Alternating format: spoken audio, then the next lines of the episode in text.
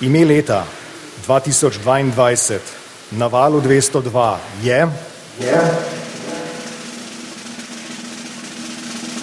Vida Drame Orožim.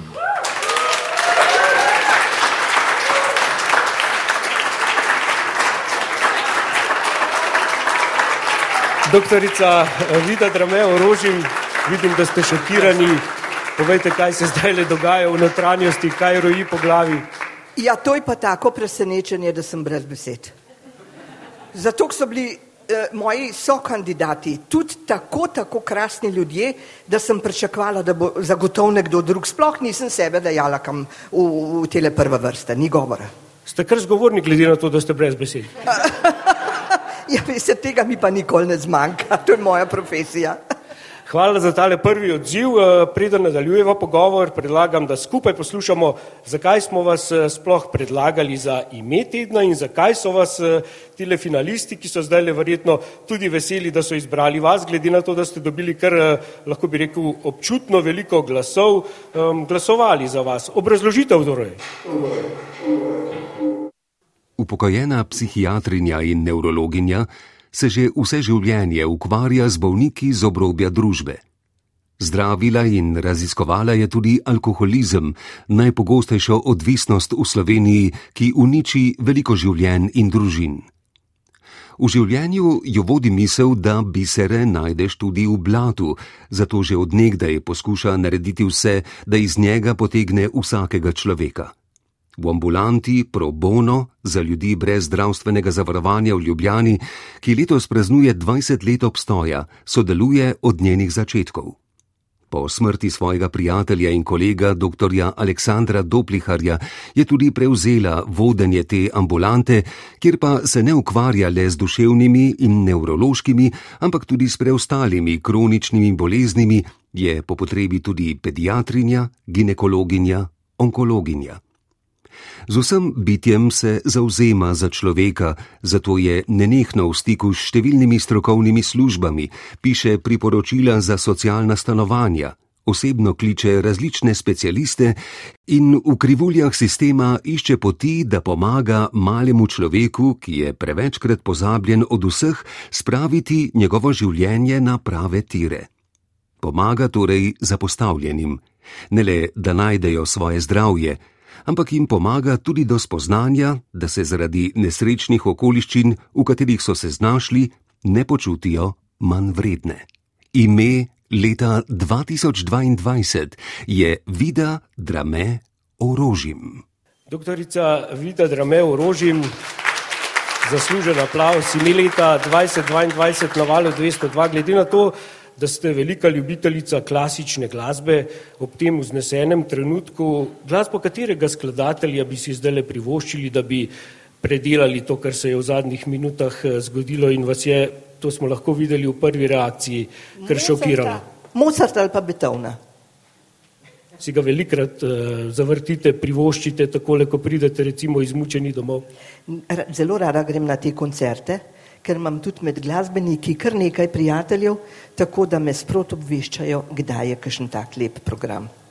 Mozarta sicer danes nismo vrteli na valu 202, smo pa prej slišali Murata in Džouza, to pa ne poslušate? Ja, no, če je, ga poslušam, ne ugasnem. Dobro. Eh, lani ste bili finalistka izbora Slovenka leta. Pred slabima dvema tednoma ste dobili nagrado Stanovske zdravniške zbornice za izjemen prispevek k uveljavitvi in uveljavljanju zdravništva doma in v tujini. Zdaj še nagrado ime leta na valu 202.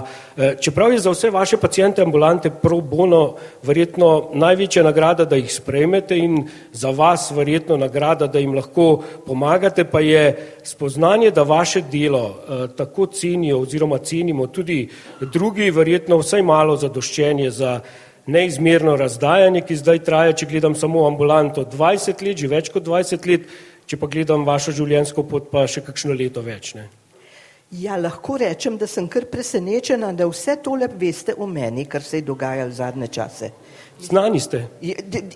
Ja, ja, ja izgleda, ja, izgleda. Uh, veste, takole vam bom rekla. Uh, Z dr. Dopliharjem sva dolga leta sodelovala. Jaz nisem sicer fizično bila prisotna v ambulanti, ker sva se tudi drugače, ko sem bila jaz še na kliniki v, v, na psihiatriji v polju in sva se tam srečevala in uh, urejala razno dokumentacijo za te pacijente iz, iz ambulante. Ampak pred osmimi leti sem pa začela uh, tudi jaz hoditi v to ambulanto in sem prevzela nek del um, splošne medicine. No in takrat sem videla, da je to krasno delo, ker nisi samo izpostavljen tistemu monotonemu delu v svoji specialnosti, ampak da je raznoliko in sem prav uživati začela. In ko je pred dobrimi tremi leti dr. Doplihar v 89. letu eh, rekel, da zdaj pa skrajen čas, da najdem nekoga, sem se jaz zelo otepala ker jaz rada delam, nisem pa rada vodja. Veste, vse te administrativne in uh, uradne funkcije, to meni ne gre. Ampak potem sem pa videla, da gospod res ne zmore več. In sem se vdala in sem rekla, no, sej bo pa tole delo v ambulanti, krasno se to rada delam, ne. Ampak pogledajte, kaj me je zdaj v teh treh letih za delo. To je javna funkcija, zelo sem izpostavljena, razni intervjuji, časopisi, televizija, radio, vse, vsi, kar je možno, hočejo imeti informacije in podatke. Vam to ne ustreza? Glede na dar govora, kot smo lahko zdaj že ugotovili, mislim, da nimate težav z intervjuji. Veste, kar mečken mi je naroden. E, sicer nisem bila navajena tega, ampak moram pa priznati, da sem se pa zdaj pa že navadila. Ja, se, se sliši, se sliši, če govorimo samo o radiju, eh, za tiste tukaj na Ljubljanskem gradu se pa tudi vidi. Omenili ste eh, dr. Dopliharja, leta 2011 je eh, bil tudi on izbran med finalisti za ime leta na valu 202, torej stopili ste v njegove čevlje. Kako veliki čevlji pa so bili to, glede na to, da je bil vaš mentor, predhodnik, konec koncev verjetno tudi prijatelj, ja. ne brez tega ne gre? Ja, zelo sva si bila blizu.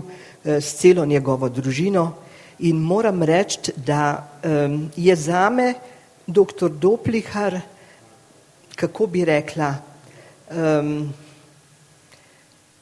človek velikega srca, ogromnega znanja in nekdo, ki se je res vse življenje predajal temu delu in ni odnehal praktično do svoje smrti. Še štir dni pred smrtjo je v eh, Merkatorjevem centru v Domžalah dajal ljudem na svete v zvezi s previsokim pritiskom in tako naprej. Torej, če bom jaz morala 18 let voditi to ambulanto, ne bom zdržala. Bodo drugi uh, dajali vam uh, na svete ja. za pritisk? Ja, tako, tako. Upam, da bom imela kakšne dobre kolege, ker Tam le imam že eno kolegico, medicinko prvega letnika, upam, da bom še pet let zdržala in potem me bo pa ona prevzela. Super, govorimo tudi o eni od eh, kandidatk za ime leta 2022. Doktorica Vita Drame, orožjem pa lahko kar nadaljuje v tem stilu, mogoče bolj za šalo, ampak glede na trenutno stanje pri nas v Sloveniji, um, stanje, v katerem živimo tudi ne tako malo za res, imate osebnega zdravnika? Imam. Imate srečo in to zelo dobrega, ki ima pa glavarine preko 1600 pacijentov. To je zdravnica, ki ji dam kapo dol. Res vsa čast. In če bo treba, bo še kakšnega sprejela. No, to je pa lepo slišati. Situacija je pa res alarmantna. V ambulanti pro bono na prostovoljni bazi torej deluje okrog 20 vaših sodelavcev, zdravnikov, specialistov, tudi doktorjev znanosti sem prebral na prostovoljni bazi. To se nam zdi v tem času, eh, ko se zdi, da so težave v zdravstvu tako rekoč nerešljive, skoraj neverjetno, ampak to je dokaz, da v veliki večini zdravnikov res ne gre le za zaslužek, da gre v prvi vrsti za poslanstvo, ampak kako bi pa lahko, gledano skozi vaše oči, prišli na zeleno vejo tega našega nesrečnega zdravstvenega sistema, seveda ob predpostavki oziroma kar um, lahko bi rekli zahtevi, da javno zdravstvo ostane, brez tega pač ne gre. Veste, jaz mislim, da je v medicinskih vrstah še kar precej rezerve in da bi se morali v danih situacijah prilagoditi temu, da bi eh, na vsak način v primarni dejavnosti, to so, to so splošne ambulante, ne, oziroma zdaj rečemo eh, družinska medicina, da bi tem ljudem dali boljše plače, da bi jim delo omogočili eh, tako, kot se, eh, kot se gre, to se pravi, da bi imel vsak zdravnik lahko za pacijenta nekaj več časa. Recimo tukaj v naši ambulanti, če je potrebno, ga jaz porabim tudi uro, če je treba. E, sicer smo pa lahko gotovi tudi v sedmih minutah. Ne? E, tu ni pravila, ampak e, recimo pogledajte ta moja kolegica, jo moram pohvaliti javno, naj gre to v eter, dr. Sonja Ukmar, družinska zdravnica na Viču, ona dela od jutra do večera. Zaradi te, za, te, za to ne dobi nič kaj posebno več denarja, pač tisto glavarino, ne, ampak ona je s tem zadovoljna in ne misli, da bi m, bila neka huda trpinka. Ona rada dela. No, ampak vsi pač verjetno niso takšni. Kje je torej rešitev, ko govorite o rezervah? Uh, vemo, da so vedno neke izjeme, ki bi garali od jutra do večera za borno plačilo, ker jim gre res predvsem za poslanstvo, ampak konec koncev res uh, brez javnega zdravstva si ne predstavljamo države, ampak na koncu dneva smo pa vseeno v kapitalizmu. Ne? Veste, ena rešitev je To so se ljudje kar znašli že v času korona leta 2020, eh, da se je marsikdo znašel in prišel k nam. In vsakega, tudi tistega, ki je bil zavarovan, smo vzeli, če je rabo recept ali pa recimo kakšna zdravila, ker bi ga sicer, če ne bi dobil kot hipertonik ustreznih zdravil, bi ga v enem tednu lahko kap zadela. Ne? Torej, ambulanta probovno lahko reši slovensko zdravstvo. Marsikaj. Ja, ampak druga stvar, ki bi jo rada poudarila, je pa ta, da je med slovenskimi zdravniki toliko zdravnikov, ki delajo kot pravijo dvoživke. Jaz osebno temu nisem naklonjena in bi se morale te stvari izdatno regulirati, tako da bi se tistim, ki delajo v nekih eh, državnih institucijah, uredili delovni pogoji, ker moram reči, da so tudi, veste, odnosi eh, v zdravstvu, medosebni odnosi med zdravniki so zelo slabi, napeti. In predvsem tam, tam mladi zdravniki, eh, specializanti in mladi specialisti zelo veliko delajo in so premalo plačani. To je glavna napaka. No, zdaj, ko se je začelo to urejati, bomo pa imeli stavko zdravnikov. Ampak ne bova tega rešila. Ne? Jaz ne bom stavkala. Ne, ambulanta pro bono bo odprta, tako kot je skoraj da vedno.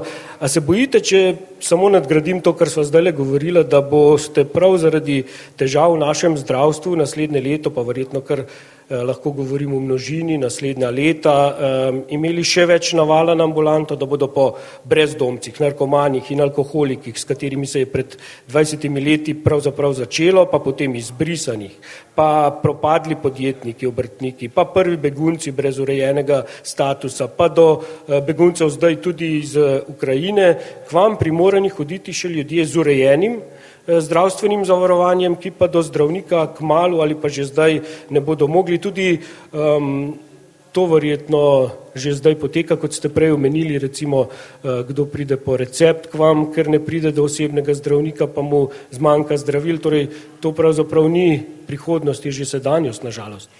Veste, takole je, uh, kar zadeva uh, našo trenutno situacijo. Moram reči, da prihajajo k nam ljudje z urejenim, z odobrenim zdravstvenim zavarovanjem se strani Ministrstva za zdravje. Vendar ni urejeno to tudi, eh, kako bi rekla, po upravni plati. Eh, oni jim dajo potrdila, to so recimo repatriiranci iz Venezuele, dobijo potrdila Ministrstva za, za, eh, za zdravje na eh, formatu A4 in s tem potrdilom grejo v zdravstven dom in potem prosijo tam za usluge.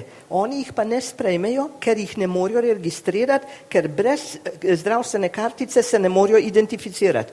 In potem sem jaz um, intervenirala na nekaj naslovov, smo napisali dopise in stvar se je uredila, so nehali hoditi k nam. To se pravi, da moramo sistemsko začeti stvari urejati in komunicirati posamezne stroke, uradi, institucijo med seboj in tega zdaj ni dovolj. Upam, da so slišali tisti, ki morajo to slišati. Ste upokojena specialistka neurologije in psihiatrije. Koliko vaših pacijentov v ambulanti pro bono pa v bistvu bolj kot eh, kakšno eh, zdravniško obravnavo potrebuje le en topov pogovor, eh, eno razumevanje, ki ga najverjetneje v stiski, v obupu, v katerem se je ta oseba znašla, pač nima. Jaz bi vam rekla najmanj 50 odstotkov.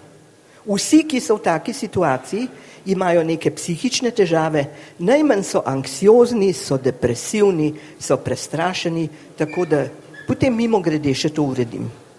In verjetno ste potem uh, sami pri sebi res zadovoljni, ko vidite, da odide uh, skozi vrata ambulante drug človek, ne, kot je vstopil v to ambulanto. Ja, res je. Uh, veste, to je eno priznanje, ki ga materialna, uh, materialna sredstva ne morejo poplačati. To so občutki zadovoljstva in sreče in moram reči, da mene včasih serotonin pa dopamin kar lepo preplavljata ko neham svojo ambulanto. Samo delati je treba. Ja. Samo še tole, eh, doktorica Vida Drameo Rožim, povejte mi, odkot poleg v začetku pogovora omenjene klasične glasbe črpate navdih in energijo, niste samo zdravnica, vodja ambulante s posvetovalnico za osebe brez zdravstvenega zavarovanja pro bono, ste tudi članica upravnega in nadzornega odbora v društvu Spominčica, pa mislim, da še vedno predsednica nadzornega odbora Društva vojnih invalidov Ljubljana, um, da recimo vloge mame, babice in uh, ostalih družinskih vlog sploh ne naštevam. Kako vam uspe držati vse te niti v vaših ročicah, rokah?